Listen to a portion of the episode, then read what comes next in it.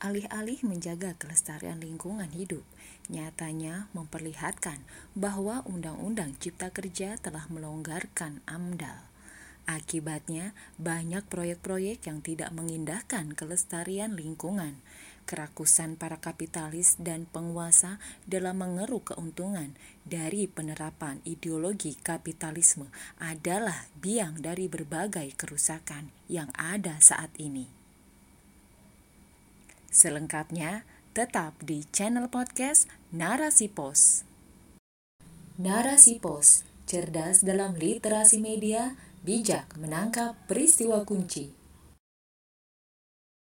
Assalamualaikum Sobat Podcast Narasi Pos Media Jumpa lagi bersama saya Sofia Aryani dalam rubrik Opini Opini kali ini dengan judul Krisis Ekologi Mengancam Negeri oleh Fitria Zakiatul Fauzia CH. Kerusakan lingkungan semakin meningkat seiring dengan berjalannya roda peradaban manusia. Ikatan manusia dengan alam sangatlah kuat. Bila manusia tidak menjaga kelestarian lingkungan, maka manusia akan merasakan kerugian yang sangat besar. Akibatnya, banyak upaya eksploitasi sumber daya alam, yakni kerusakan lingkungan Hal itu terbukti bukan tanpa data. Isu-isu tersebut di antaranya air sungai di Denpasar berwarna merah, yakni sungai yang melewati di Jalan Resimuka Barat, Desa Tegal Kerta, Denpasar, Bali. Rekaman air sungai yang berwarna merah sempat viral di media sosial. Seorang warga bernama Zainal yang tinggal di perumahan Resimuka Barat Permai menyatakan bahwa air sungai sudah berwarna merah sejak hari Kamis, 7 April. Dugaannya, air sungai yang berubah merah itu diakibatkan dari limbah industri. Karena peristiwa tersebut terjadi berkali-kali, walaupun tidak bau tetapi mencemari lingkungan. cnnindonesia.com 8 April 2022 Selain itu, adanya proyek smelter telah memicu kerusakan hutan mangrove di Teluk Balikpapan. Disebut-sebut area Sungai Tempadung terancam oleh aktivitas pembangunan fasilitas pemurnian dan pengolahan mineral atau smelter nikel di kawasan industri Karyangau KIK, Kelurahan Karyangau, Kecamatan Balikpapan Barat, Kalimantan Timur. Koordinator Advokasi Pogja Pesisir, Husen Suwarno dan nelayan Balikpapan menerangkan bahwa setidaknya ada 30 hektar lahan mangrove yang dibabat. Jika diuraikan, sebanyak 10 hektar di pesisir sungai dan 20 hektar lagi berada di kawasan darat. Dugaan kuat pembalakan tersebut berangkat sebelum Desember 2021 dan berlangsung hingga Maret 2022. Apabila pembalakan ini terus terjadi, maka akibatnya potensi abrasi di Teluk Balikpapan semakin besar. Hutan mangrove juga merupakan rumah dari berbagai macam hewan. Jika dirusak, maka ekosistem bakal mengalami kematian. Terakhir, tangkapan ikan nelayan juga akan berkurang. cnnindonesia.com 8 April 2022 Berbagai upaya menanggulangi kerusakan lingkungan telah dilakukan, mulai dari individu hingga organisasi dunia.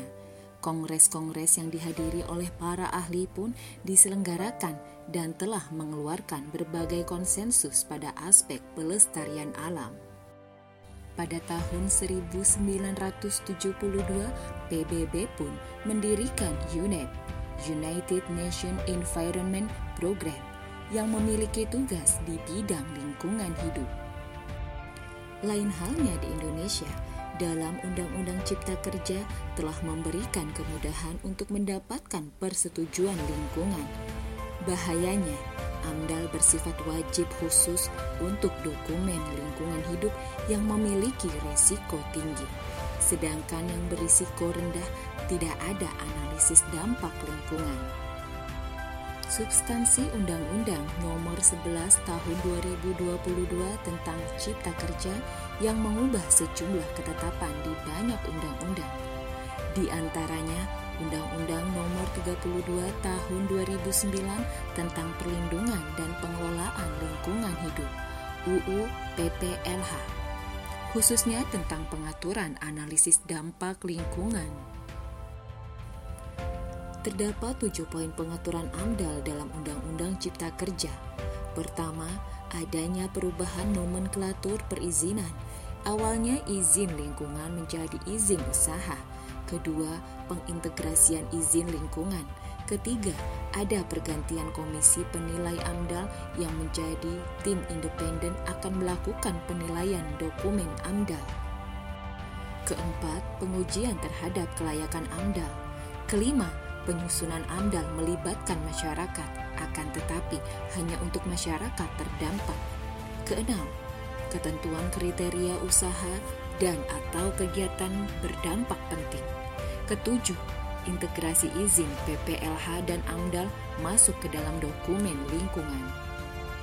Alih-alih menjaga kelestarian lingkungan hidup, nyatanya memperlihatkan bahwa Undang-Undang Cipta Kerja telah melonggarkan AMDAL. Akibatnya, banyak proyek-proyek yang tidak mengindahkan kelestarian lingkungan. Kerakusan para kapitalis dan penguasa dalam mengeruk keuntungan dari penerapan ideologi kapitalisme adalah biang dari berbagai kerusakan yang ada saat ini. Lalu, bagaimana menyelamatkan negeri ini dan menjaga kelestarian lingkungan agar bisa dikelola dengan baik dan tepat tanpa mengorbankan rakyat dan lingkungan hidup sekitarnya? Islam menjaga kelestarian lingkungan. Lingkungan merupakan bagian yang tidak lepas dari kehidupan manusia. Lingkungan harus dipandang sebagai salah satu entitas ekosistem yang memiliki nilai untuk dijaga, dihargai, dihormati, dan tidak disakiti. Lingkungan memiliki nilai tersendiri. Integritas ini yang menyebabkan setiap perilaku manusia berpengaruh terhadap lingkungan sekitarnya. Perilaku terpuji dapat menyebabkan lingkungan tetap lestari. Sebaliknya, perilaku negatif dapat menyebabkan lingkungan menjadi rusak. Integritas ini pula yang menyebabkan manusia sebagai khalifah di bumi memiliki tanggung jawab untuk berperilaku baik dengan kehidupan di sekitarnya. Kerusakan alam diakibatkan dari perspektif manusia kapitalis yang antroposentris, yang memandang bahwa manusia adalah titik pusat dari alam semesta sehingga alam ditinjau sebagai objek yang dapat dieksploitasi. Dalam pandangan Islam, manusia dan lingkungan hidup memiliki relasi yang sangat erat karena Allah Subhanahu wa taala menciptakan alam ini termasuk di dalamnya manusia dan lingkungan dalam stabilitas dan keserasian. Hal ini harus dijaga agar tidak sampai mengalami kerusakan kelangsungan hidup di alam ini pun saling berkaitan. Jika salah satu komponen terganggu, maka akan berpengaruh terhadap komponen yang lain. Manusia sebagai faktor utama dalam perubahan dan segala sesuatu yang terjadi dalam lingkungan, baik dan buruknya. Di dalam Al-Quran telah dijelaskan bahwa kerusakan lingkungan, baik di darat maupun di laut, pelakunya adalah manusia.